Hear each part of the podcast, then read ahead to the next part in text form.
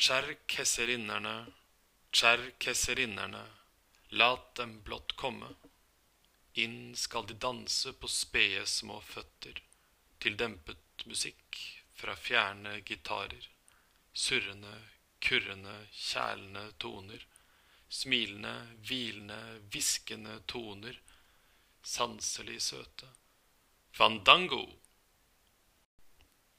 Det er flere måter å studere norsk og nordisk eh, litteraturhistorie på. Man kan tenke seg at eh, litterære verk og tekster representerer bestemte tendenser, utviklingstrekk i historien og i samtida. At den tar opp i seg disse tendensene og intensiverer dem, framhever dem og er med på å forme disse tendensene. Altså med andre ord forme sin samtid. Det er det Wilhelm Krag gjør i diktet 'Fandango' fra samlingen Dikte 1891. Diktet er et typisk 1890-tallsdikt. Det inneholder eksotiske og fremmedartede eh, navn, som tsjerkesserinnerne, tsjerkesserinnerne i første linje, som peker mot en eksotisk, fremmed eh, kultur. Det er en leken tekst, et lekent dikt med innslag av dans eh, og musikk. Altså er den jo på et vis eh, en interart-tekst, en, en, en tekst som refererer til andre kunstarter her altså dans og musikk. Den inneholder referanser til musikk i, eh, med, med bruk av bestemte ord. Musikk, gitar og toner. Eh, og den eh, etteraper på et vis også musikken med sine lydlige leker. Bare hør på ordet 'tsjerkesserinnerne'. Tsjerkesserinnerne. Hvilken rytme som vi blir tiltrukket av, og all det musikalske som ligger i eh, lyden. Den er også en beskrivelse av musikk gjennom ord som dempet og fjern, sanselig søte, samt eh, de eh, beskrivende linjene surrende, kurrende, kjælende og smilende, hvilende, hviskende. Og så har den dette veldig eh, livsbejagende, vitalistiske ved seg, som understrekes ikke minst i det siste ordet fandango, som i diktet også er skrevet med utropstegn. Dette er et 1890-tallsdikt. Et dikt som peker mot eh, slektskapet mellom ulike kunstarter. I dette tilfellet dikt og musikk og dans, og det forsterker hvordan diktet jo er musikalsk, og hvordan det er dansende, hvordan ord kan brukes til å skape musikk og dans, og hvordan ord i dikt kan brukes til å skape bilder, i dette tilfellet bilder av eh, dansere, musikk eh, og liv i en fjern kultur. Det er også en tydelig avstandstaging til eh, den tidligere litteraturen som eh, på 1870- og 1880-tallet var dominert av realisme og naturalisme. Kanskje er det også noe psykologisk ved diktet, og i så måte så er det innenfor det programmet som Hamsun, Knut Hamsun skapte eh, med sult og som vi også finner igjen i Sigbjørn Opsfelders eh, 'Jeg ser'. Om dere går til eh, slide 3, så vil vi se noe av det samme som det vi kan si at Fandango representerer. Det som er eh, avgjørende for denne perioden, er hvordan dette knippet med forfattere og verker er med på å prege tiåret, altså 1890-årene. Det er, som også Per Thomas Andersen skriver, en litterær brytningstid. Brytningstid fordi like mye som vi her holder fast på sentrale forfattere fra tiårene før, Henrik Ibsen eller Bjørnstjerne Bjørnson eller Alexander Kielland, dog kan vi legge til med Kielland at han nok eh, ja, var på hell, kan vi si, siden hans beste romaner ble skrevet i tiåret før, altså 1880-årene. Eh, Amalie Skram må vi selvfølgelig tenke på, og tenk bare på romanen 'Forrådt' fra 1892 om eh, ekteskap og seksualitet og deres plass i samlivet. Så vel som selvfølgelig firebindelseverket 'Hellemyrsfolket', som ble fullført i 1896, altså i kjernen av denne tiårsperioden. Og, og videre kan vi tenke på Arne Garborg med bl.a. sin dekadansroman 'Trette menn', Sammen med disse godt etablerte forfatterne så får vi altså nye, markante stemmer i Knut Hamsun, Sigbjørn Opsfelder og allerede nevnte Wilhelm Krag. Når det gjelder 1890, året til og med 1890, så er det interessant pga. Hamsun, som dere vet, men også med tanke på Ibsens dramaer. Fordi dette er året hvor Ibsens gabler blir eh, fullført og som vel er det dramaet av Ibsen som er mest orientert mot det psykologiske. I hvert fall er Hedda Gabler ikke så lett å forstå med tanke på hennes samfunnsmessige forutsetninger. Sammenlignet med f.eks. Nora i et uh, dukkehjem. Og kun to år etter, i 1892, så kommer Ibsen med 'Byggmester Solnes', som har en mer kunstnerproblematikk som sin tematikk. Og det samme gjelder for så vidt også for 'Når vi døde vågner' i 1899, så det betyr at om vi bare kikker på Ibsen, så ser vi også en dreining vekk fra uh, en, en, realisme i hans uh, dramaer, og i retning av andre temaer som blir interessant, interessante for forfattere, og, og plukket opp av uh, forfattere. Og så skal vi i dette tiåret heller ikke glemme Jonas Lie, som vender seg mot novellen som, som sjanger og mot det mytiske og mot folkeeventyr med bl.a. utgivelsen Troll 1 og Troll 2 i 1891 og 1892. Eh, dette er en vending som er betydningsfull for tiåret. Denne vendingen mot det mytiske. Og som vi også finner en parallell til i Sverige med Selma Lagerlöf. Og videre. Hvis vi kaster blikket utover, hvis vi retter blikket utover mot eh, kunsten f.eks., og den den i, ikke bare i Norge, men i Europa. En av de mest betydningsfulle malerne eh, for dette tiåret. Eh, Edvard Munch, så ser vi jo en reaksjon på Eller i hvert fall en bevegelse bort fra naturalismens mål om å etterligne naturen. I disse uh, maleriene, som jeg har tatt et lite utvalg av på slide 4, uh, så ser vi uh, linjer og fargebruk som tjener en psykologisk orientering heller enn en eh, dekorativ funksjon. Um, her er jo livsfrisene, som de ble kalt. Eh, særlig interessante fordi de framstår som idémalerier som eh, Edvard Munch eh, malte på begynnelsen av 1890-årene. Og som handler om kjærlighet og erotikk livsangst og død, altså helt eksistensielle spørsmål. En orientering som er eh, noe, for hvert fall beslektet med bohemkretsens orientering mot det erotiske. Dette gjelder eh, malerier som kyss, eller Madonna, eh, melankoli, eh, vampyr, angst og to mennesker, f.eks. Noen av disse ser dere jo på slide 4. Eh, her er det interessant å nevne eh, Munchs utstilling eh, i Tyskland i 1892, som er en vending ikke bare for, fordi det var en utstilling som representerte den nye Edvard Munch, men også fordi den eh, representerer en vending eller et brudd i eh, europeisk kunsthistorie. Eh, utstillingen i 1892 ble en skandale Eh, den ble stengt etter en uke. fordi kritikerne, de etablerte kunstnerne og litteraturkritikerne, var skeptisk og mente at det var skandaløst av en maler som Munch å male denne type malerier.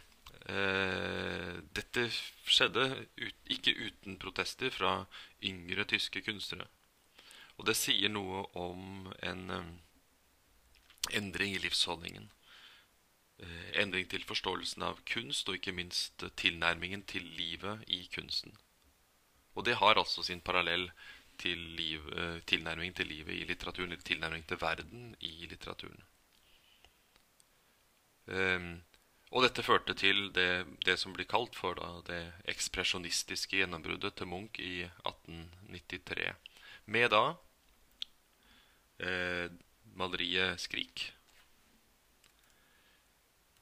Som dere kjenner alle sammen, eller 'Aften på Karl Johan', eh, maleriet 'Stemmen', eller 'Aske', eller 'Livets dans', eller 'Kvinnen i tre stadier',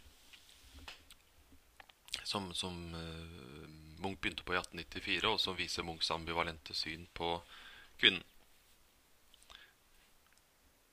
det interessante med den parallellen mellom litteratur og uh, kunstmaleriet, det er, øh, ligger f.eks. i hvordan både Edvard Munch og flere av forfatterne, inkludert poeten øh, Wilhelm Krag, jo behandlet sentrale temaer eller denne ekspresjonistiske eh, trangen eh, som kommer til utløp i, i dette tiåret. Hvis du ser på 'Skrik', f.eks., så er det dette et maleri som nettopp, i tråd med, eller som en parallell til Hamsuns eh, program, eh, representerer eller presenterer et ubevisst sjeleliv. Her er det det ubevisste som kommer til uttrykket. Eh, eh det er med andre ord en eh, malerisk beskrivelse av en, eh, en følelse en plutselig og ikke helt forståelig eh, følelse fra subjektet selv. Eh, en følelse av eh, sterk eh, frykt og, en, eh, og, et stort, uendelig skrik. Det er noe som eh, også Edvard Munch sjøl har beskrevet dette maleriet som en eller annen ubeskrivelig, uendelig, men uendelig skrik som, som kom over ham når han malte dette bildet. Altså så, som også nettopp sier noe om den eh, ekspresjonistiske eh, det ekspresjonistiske uttrykket. Og så ligger det dette maleriet også både i eh, linjer, eh, himmelen, bakgrunnen, og i dette subjektet som er malt eh, i, på framsida, eller eh, i forgrunn en, en, vitalisme, altså en sånn sterk gnist, livsinteresse og ikke minst livsenergi som kommer til uttrykk i maleriet gjennom fargene og linjene, og antagelig dette skriket.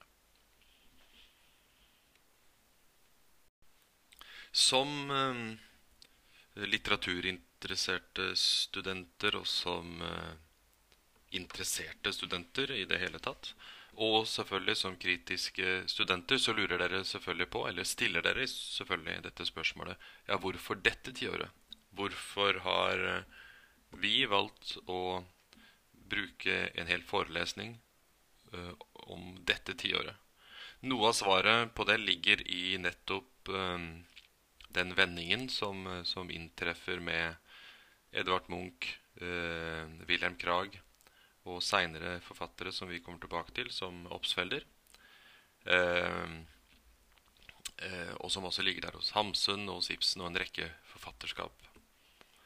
Eh, og altså kunstnerskap i Norge og i Europa. Eh, det er også naturlig å se når man jobber litteraturhistoriografisk, altså når man retter eh, blikket mot hvordan og hvorfor man skriver litteraturhistorie, litteraturhistorie, og, og hvilke tiår, hvilke forfatterskap, hvilke temaer man eh, retter oppmerksomheten mot. Eh, når man jobber sånn, det som altså kalles for litteraturhistoriografisk, så, så har det også, så er det, er det vanlig også eller naturlig å også se på hvordan denne vendingen, som vi kan beskrive innenfor litteraturen og kunsten, eh, også er reflektert i samfunnet for øvrig. Altså hvordan samfunnsendringer er med på å påvirke litteraturen og kunsten, og i, i, i, i de beste øyeblikk hvordan litteraturen og kunsten er med på å påvirke samfunnet og samfunnsutviklinger. Disse to tingene henger jo selvsagt sammen.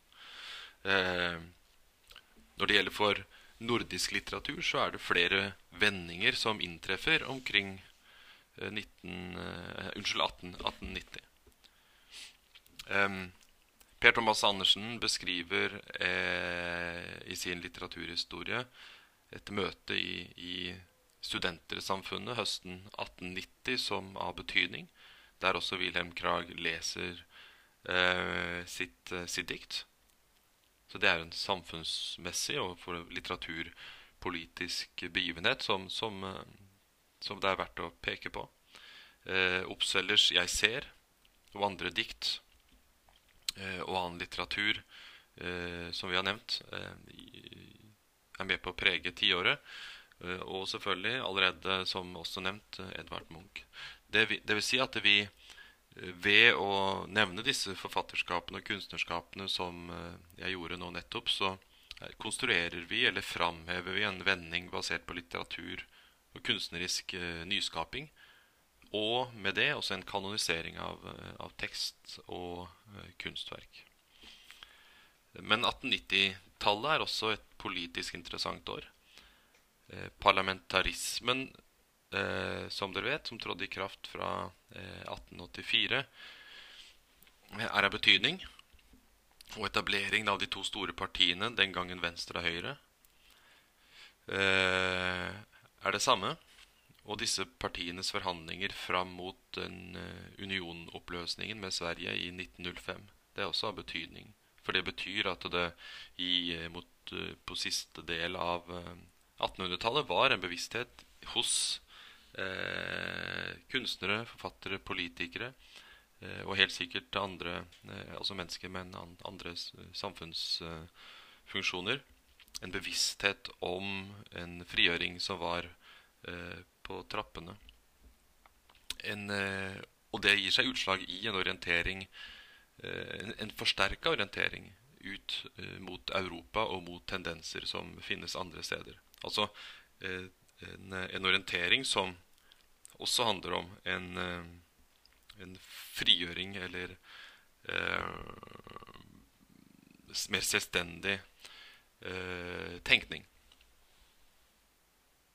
Det er selvfølgelig dette tiåret også verdt å huske at uh, Det norske Arbeiderpartiet fikk, fikk sitt navn i, i, 1891, og at LO ble stiftet i 1899. Så det er mange sånne store politiske eh, begivenheter, eller årstall, etableringer som slår til samtidig i, i dette tiåret. Og som gjør det interessant å se sammenhengen mellom litteraturen eller kunsten og eh, det politiske.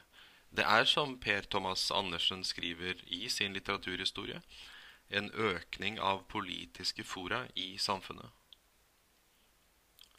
Samtidig med at litteraturen i mindre grad er politisk, skriver Per Thomas Andersen. Han skriver også at det fantes i året 1900 144 landsomfattende organisasjoner i Norge. Og det betyr at det er mulig at vi kan trekke den slutningen at når eh, antall eh, fora, antall steder, antall organisasjoner hvor man bedriver eller diskuterer politikk, så vil det medføre at eh, litteraturen og kunsten slipper det politiske.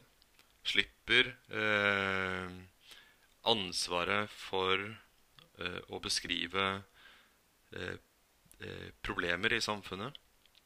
Eh,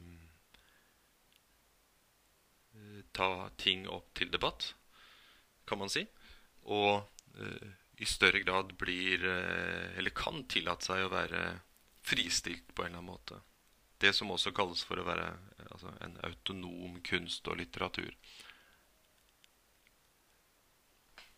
Det er selvfølgelig eh, ikke helt riktig, fordi det å tegne bildet av det ubevisste sjeleliv er selvsagt også det politiske. Men da forflytter man det eh, politiske eh, fra det ytre til det indre.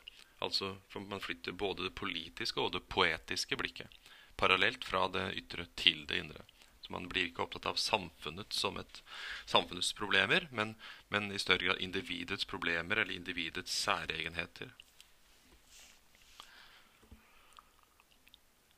Um, og ved siden av uh, denne tendensen til uh, en uh, økning av en, en sånn offentlig borgerlig politisert samfunn, så peker også Per Thomas Andersen på en annen, annen viktig tendens i dette tiåret, nemlig tidsskriftene. Som jo også er en arena for offentlig debatt, og ikke minst der man kan diskutere politikk, kunst og samfunnsrelaterte spørsmål. Og kanskje viktigere for oss i denne sammenhengen tidsskriftene sammen med avisene var eh, jo det stedet, eller i hvert fall ett sted, hvor man kunne få formidla inntrykk og strømninger fra kontinentet og fra eh, USA.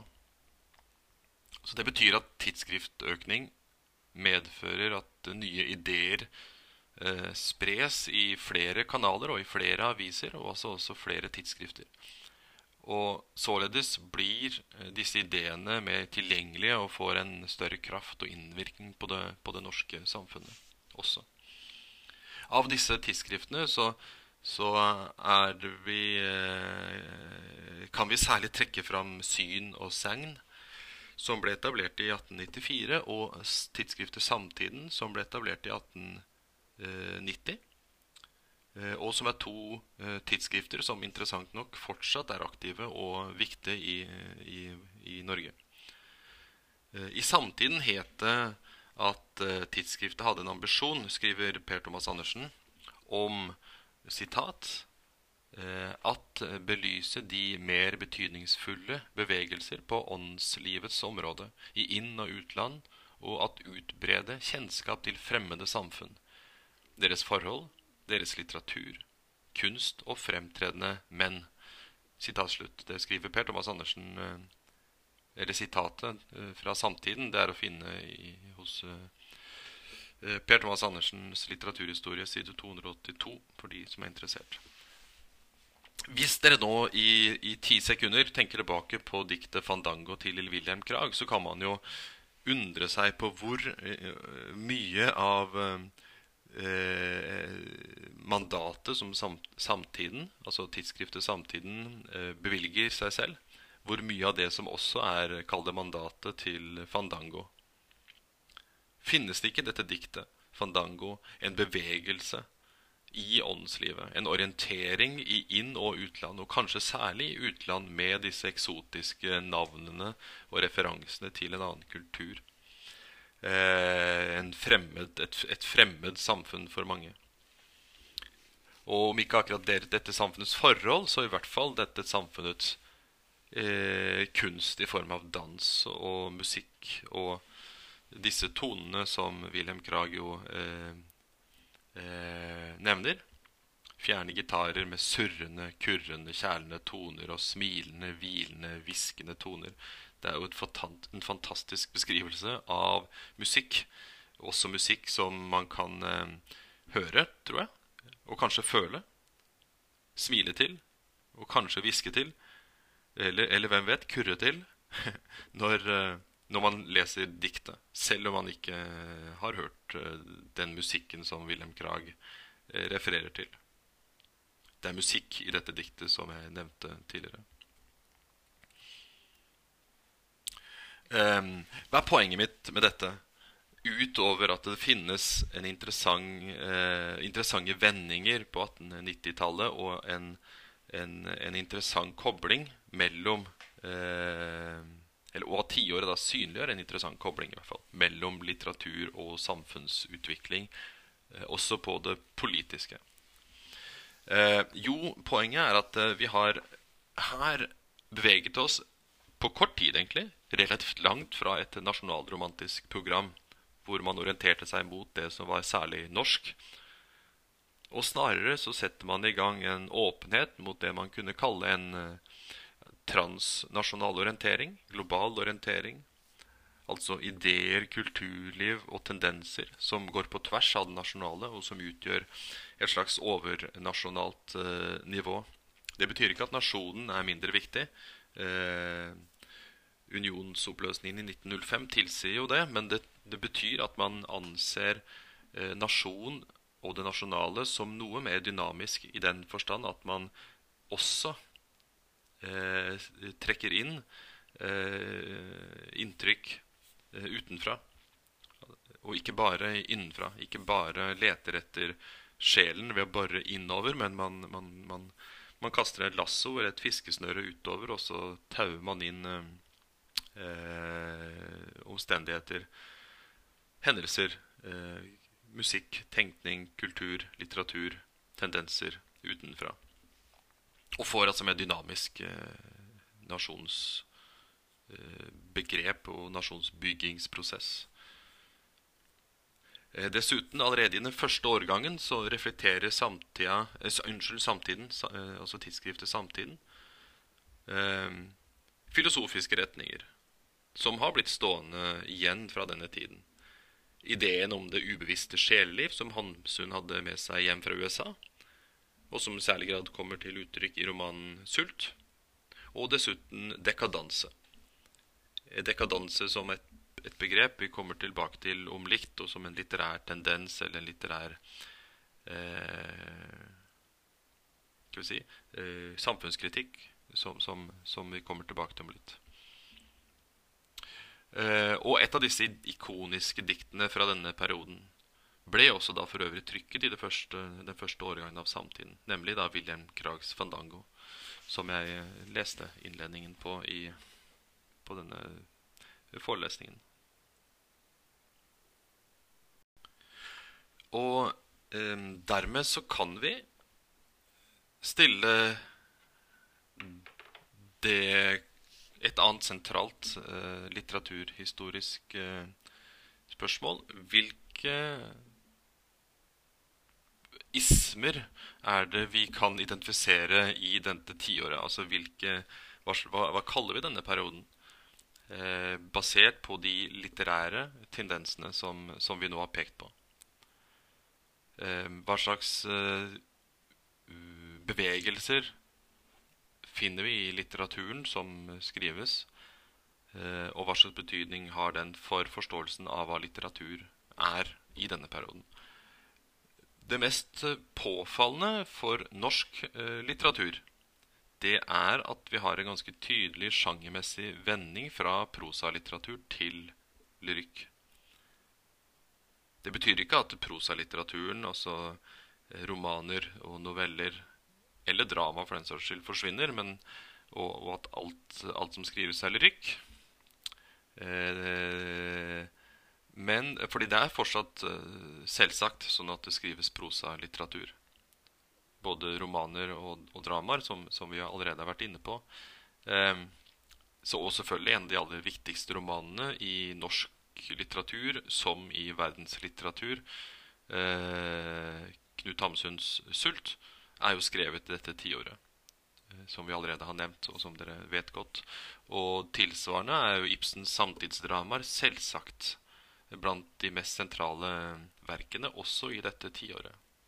Men mitt poeng er at eh, det vi kan se, er at lyrikken, som har ligget død etter eh, eh, i stor grad etter Wergeland og romantikken, og etter nasjonalromantikken, og da tenker, på, da tenker, jeg på den skriftlige lyrikken først og fremst,